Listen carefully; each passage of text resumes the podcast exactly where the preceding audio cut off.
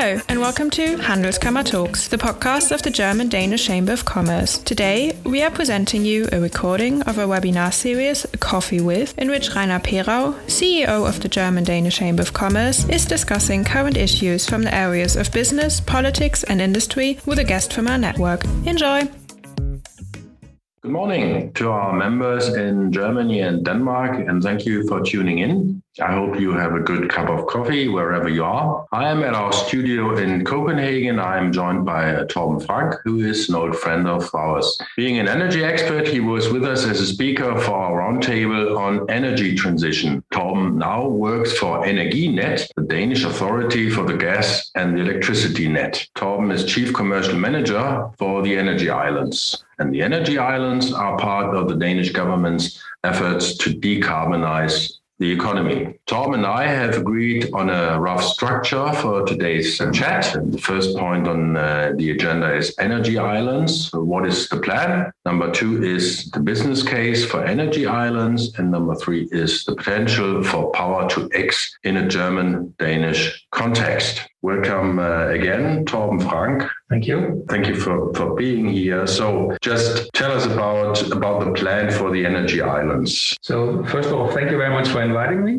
and giving me the opportunity to talk about the energy islands. If we start with a big picture of the energy islands, this is part of decarbonizing Europe. I think that the most plans today show that if we're going to go to net zero in Europe by 2050, then we need, need electricity and we need a lot of electricity. And the most obvious source of this is offshore wind, in particular in the North Sea. And the energy islands is part of that infrastructure that enable offshore wind production on big scale. So the Danish government or the Danish Parliament uh, in 2020 agreed to build two energy islands, one in the North Sea, which will connect offshore wind farms to the Danish and European grids, and then use the island of Bornholm as an energy island where offshore wind farms in the Baltic Sea will connect to Bornholm and then connect to Denmark or to mainland Denmark and to Germany. So the idea is to use these energy islands as hubs where we connect offshore wind production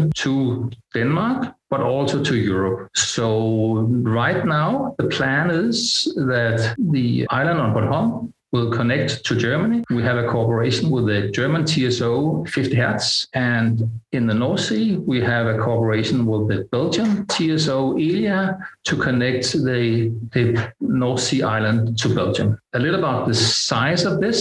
Current plans is that the Bornholm Energy Island will connect two to two or more gigawatt of wind production. Uh, obviously, just just to uh, a misunderstanding that I sometimes hear is that the wind turbines will not be on the energy island. They will be, of course, offshore in, in the in the sea, but connected to the energy island. So two to two or more gigawatt of wind on Bornholm, and then in the North Sea, the political agreement is to have uh, a minimum of three gigawatts and up to 10 gigawatts of offshore wind connected to the island in the North Sea. Time plan wise, we know that Denmark has an ambition of reducing CO2 emissions by 70% by 2030. Well, the energy islands is not going to contribute to that target because the earliest uh, the islands will be ready is in the early 30s. So 2030, 2032 are the ambitions for the energy islands, but it will contribute to getting Denmark and Europe to net zero by 2050. What is the amount of uh, capital invested in the islands and who is investing? That's a good question. The island itself, in reality, is a relatively small investment. So the on Bornholm, of course, the island exists, so that's just using some land on Bornholm. The investments in the projects are mainly two things. One, of course, are the wind turbines. That's the more than 50% of the project are building the wind turbines, and that will be invested and financed by the energy companies who today are investing in offshore wind farms. We all know both the uh, both, of course, the, the Danish companies, but also European and, and global com- energy companies are investing in farms. So that's a little bit more than half of the investment. The other main component are the transmission assets, the uh, connecting the offshore wind farms. We connect, they are connected to the island. And then from the island, we connect to mainland Denmark and other countries. And that's a relatively expensive in- investment, uh, mainly because when you move further offshore, you need to move to slightly different technologies than we know uh, from being close to shore. And that's more expensive. So that's also why it makes sense to build a large grid to combine things and to build uh, economies of scale in the interconnections. I, I, imagine it is a bit more tricky to build that uh, island in the North Sea, yeah. since you use it using Bornholm in, in, the Baltic Sea. Exactly. That's that's obvious, but it's still a relatively small investment. I think that estimates range from something between six and eleven billion Danish kroners for for the island. If you're going to build 10 gigawatts of offshore wind, that alone will cost you more than 100 billion kroners. So so the island itself is a relatively small part of the total investment. How large will that island be? That's also a good question. Right now, there is a project is mainly being developed by the Danish Energy, the DA, the Danish Energy Administration. So, and they are running, they, the plan is to tender for the island next year, and the, the island will be owned by a private public partnership. And the idea of the politicians in the political agreement for the island was to allow from innovation on the island. So, one thing is that we connect the offshore wind farms to the island, but that opens up an opportunity for maybe we can have some energy, some other energy infrastructure on the island than just electricity. For instance, we could have power to X. Could you have a hydrogen electrolyzer on the island? Could you have other power to X facilities on the island? And that, of course, will then define what will be the size of the island. So I think that the size of this ranges from relatively small to something that's relatively large, if that's a way of, if that's an answer. Would there be a role for foreign companies in, in the construction of the island? Obviously, the, the, first of all, there, there, are two, there are several roles for international companies. One is in the island itself, that the build the ownership of the island, this public-private partnership will be a tender, and this could be both Danish or but it could also be international energy companies or investors wanting to be part of the green transition and wanting part of the infrastructure. So that's that's one role for international. The other thing is, of course, building the island. Building the island will require, in reality, global, at least European scale entrepreneurs to do this. And, and I know that some of the people, some of the companies looking at this are building consortiums with international players. And then thirdly, the wind the wind farms. We know that in Denmark, I think the last few offshore wind tenders have been won by not Danish companies. Vattenfall has won the Kriegers, for instance. So there's a lot of potential for international players to be part of this. Mm-hmm. We already have the first questions here. Why is it necessary with these islands at all compared to today where we also have offshore wind? Yeah, the reason why we need the islands is as you move further offshore, as long as you're close to shore, it's relatively simple to connect the offshore, the, the wind farms to the Danish electricity grid or the European electricity. grid. As soon as you move a little bit further offshore, you need to have direct current technologies. So you need to have relatively large infrastructure components to connect the wind farms to shore. So that's why it makes sense to combine this infrastructure in some hubs on the energy islands. Uh, I imagine that your guess would be that we will see more of these energy islands yeah, also in other parts of the world. Yes, Belgium is currently planning an energy island offshore Belgium. The Dutch have for some years been thinking about how can they do this, and I think that they will also have a project coming. And we see a general tendency interest in having these infrastructure hubs offshore. And I think that if we are going to build, uh, if you look at the International Energy Agency, they talk about something between 200 and 300 gigawatts of offshore wind in the North Sea alone. And that will require several energy islands in the North Sea to make this possible. So there is another question. Where do I find more info, information about the tendering process? If you go to the uh, to the website of the Danish Energy Administration, uh, the ens.dk, they will tell about this. And they that's Energistyrelsen. Energistyrelsen, yes. Yeah, I think I, I, introduced you a bit, bit wrongly as, as an authority because, yeah, well, there's an Energistyrelsen, which is the authority, and Energinet is actually a, a company. Yeah, we, we're what they call a, a TSO, a transmission systems operator. Mm-hmm. So we operate and the Danish transmission electricity grid and the Danish transmission gas grid. So let's move to topic number two, the business case for energy islands. Well, sub points could be what are the economics of the energy island and, and, could you tell us a bit more about the economies of scale that there are uh, that there is in, in wind energy and, and about the intermittency uh, factor, base load, I think it is called, base load factor.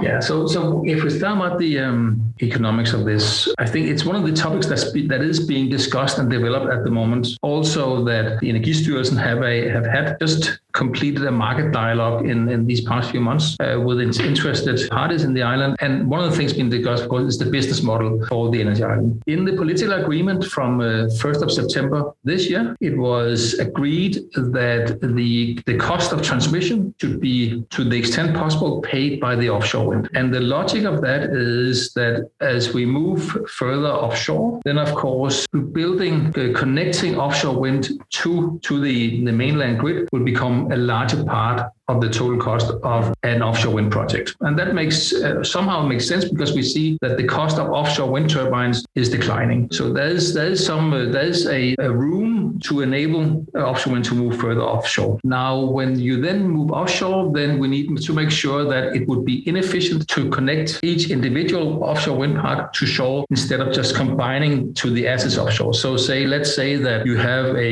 uh, two one gigawatt wind wind farms, then of course yes you could connect them with the HAB converters and connect them to shore, but you can also combine it to a two gigawatt connection instead. So instead of having two cables, you have one cable, or you have two, con- instead of two converters, you have one converter. So there's some economies of scale in connecting more wind farms offshore. Another opportunity, of course, is that you talk about intermittency, that what will happen is that we will, the cables, if you have an offshore wind farm, and you connect that to shore, then in reality, you only use the cable when the offshore wind farm is producing. Now, what we do is we connect the energy island to both Denmark and to in the North Sea to Belgium. That means that when the wind farms are not producing, then we can use the cables to have cross-border trading. So we transport electricity from Denmark to Belgium if the price is higher in Belgium, or from Belgium to Denmark if the price is higher in Denmark. So we actually create a dual use of the electricity connection. That's why we call it a hybrid interconnected project. So that's a use. The other synergy that could be if, let's say that that you could have a, a electrolyzer on the energy island, then of course that the electrolyzer will be supplied by from the wind farms when the wind farms are producing. But when mm-hmm. a electrolyzer is a is a baseload facility, so that has to run constantly. So when the wind farms are not producing, then we can supply the, the electrolyzer with the interconnectors and thereby create an economies of scale.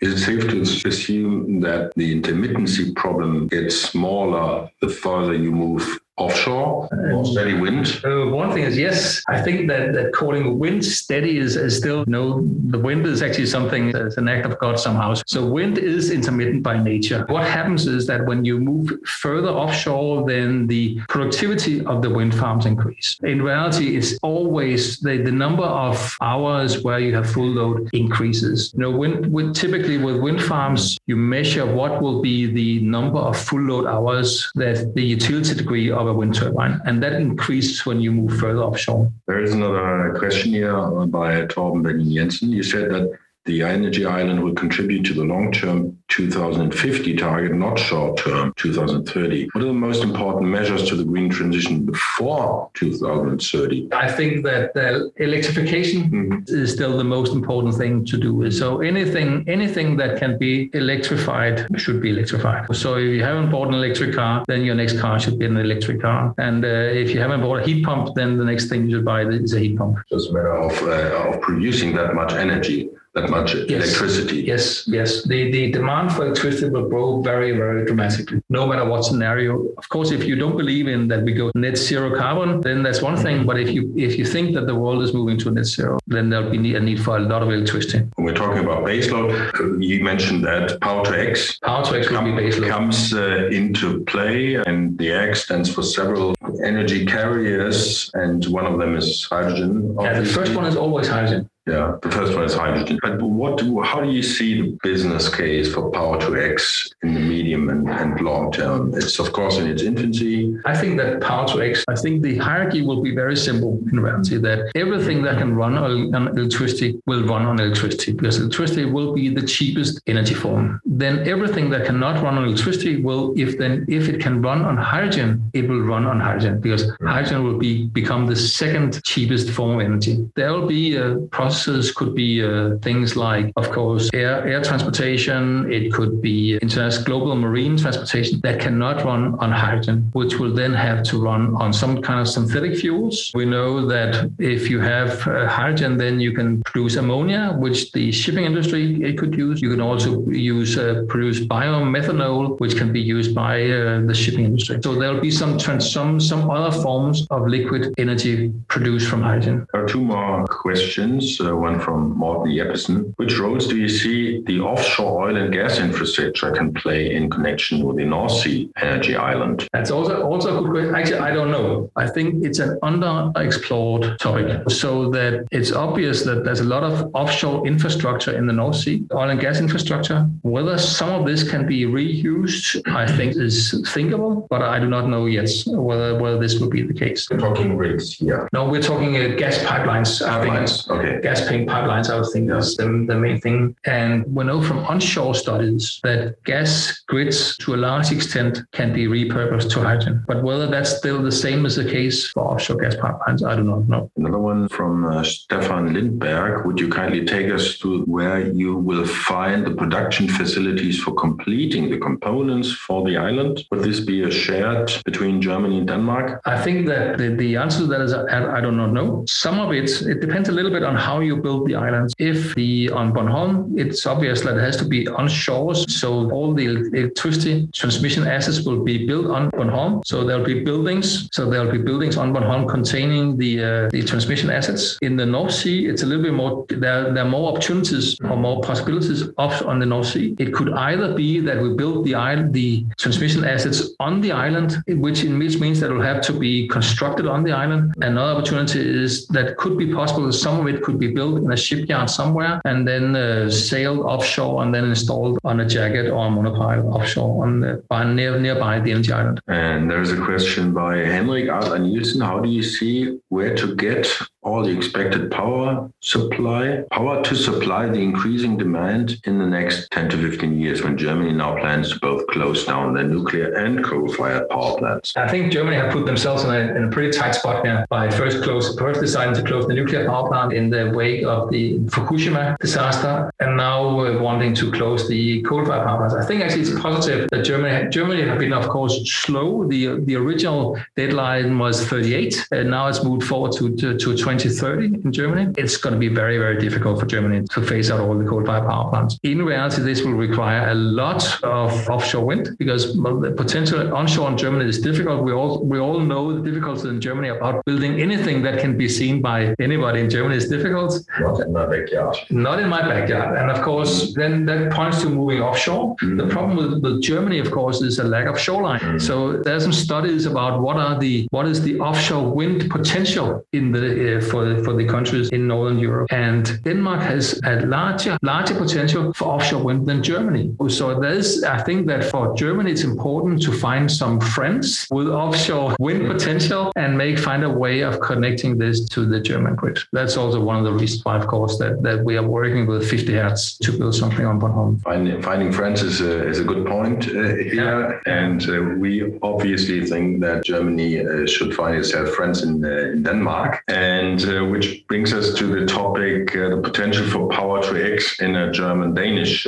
context. And well, there are estimates that Germany will need to import 70 to 80% of its hydrogen in the, in the medium future. How much of that could Denmark and the energy islands provide? I think that the energy island itself will provide potentially provide some of it. I think it's important to understand that if we build two gigawatts on Bornholm and we build 10 gigawatts of offshore wind in the North Sea, that far exceeds any Danish electricity consumption. So that will give that will open up for two possibilities. One is that we export electricity to Denmark, and then in, in Denmark we have electrolyzers, so we produce hydrogen in Denmark and then export this to Germany. It could also possible that we'll export the electricity from the energy island to Germany, to the Netherlands, to Belgium, and then the electrolyzers are in Germany, Belgium, and the Netherlands. I think so. So whether it's electricity or hydrogen that we're contributing, I think is still something that has to we will see evolve however this lands. There's actually a question here from Henrik saying, well, uh, that 10 gigawatts is a drop in the ocean. And the, the point is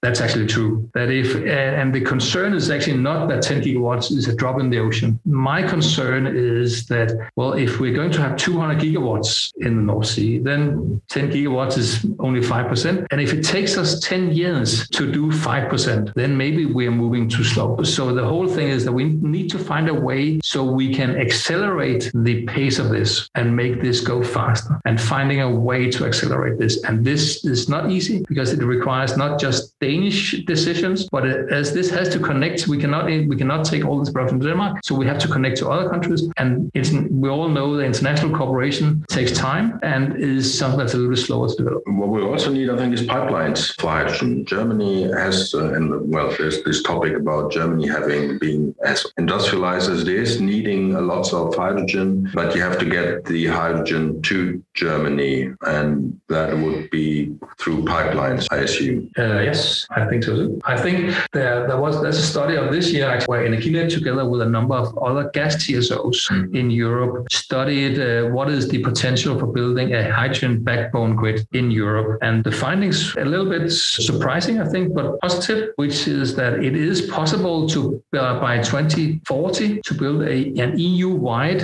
uh, hydrogen backbone grid, and the, the main the main part of this are repurposed gas natural gas grid. So 70, I think 70% more or less is a repurposed gas grid, and that also means that they can keep the cost of this relatively slow, uh, relatively low by building the hydrogen grid. But there's a little bit of a it's it's a chicken and the egg problem with this because well it's difficult to invest in hydrogen infrastructure because before there is any hydrogen use, and how can you start using hydrogen if there's no infrastructure and there's no production? So somehow we need to find a way of getting the hydrogen ball rolling on a large scale. It is, it is, it, will be amazing, but I think it will happen. But it's, it's going to to, to be a something that will require a lot of, of cooperation between countries. Sounds like uh, like it is very difficult, but we we do know that there are talks on the way between Germany and Denmark on several levels in order to get this this going. Yes, I take it that Germany has play has also played a role the energy hunger of Germany has played a role in the thoughts and the plans for the energy islands. Yes, I think that Denmark we would like to be a um, to lead by example, and the energy island is a project to lead by example. That we know that there. I think that you know last week when we signed the agreement with Belgium and with Germany, then the, the Belgian energy minister was telling us that well, this is the Danish energy islands will not be the first, the Belgian will be the first, but this I think the the big how we can lead by example is by showing how do we make this a, a viable proposition. So it's not just something that should be paid by the taxpayers or by electricity consumers, but this is something that reality makes offshore wind more accessible, makes it cheaper to move offshore. We have uh, the biggest news, I think, last week was that in Denmark we have a tender for an offshore wind farm, the Thor wind farm. Uh, the tenders were in last week and it ended with several bids asking for zero subsidy and in fact paying the Danish state for the right to build an offshore wind farm. We've seen that offshore wind farms over the last 10 years have gone from having requiring very substantial support to then in the past few years to zero support. And now all of a sudden you can get energy companies to pay for the right to build an offshore wind farm. And this this is just showing to me that offshore wind will become is becoming cheaper and will become more valuable to the society. So economies of scale are giving us yes, this uh, yes, business yes. Uh, case. Yeah,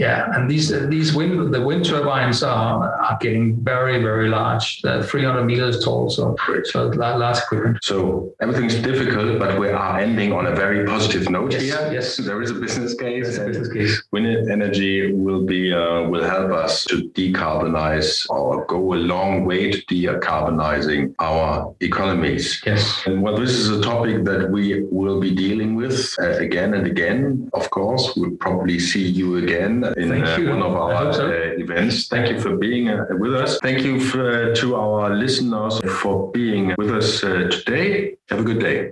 Thank you for listening to our podcast. Hope you enjoyed today's episode. Don't forget to subscribe and head to our website at handelskammer.dk for more insider information on German Danish business relations.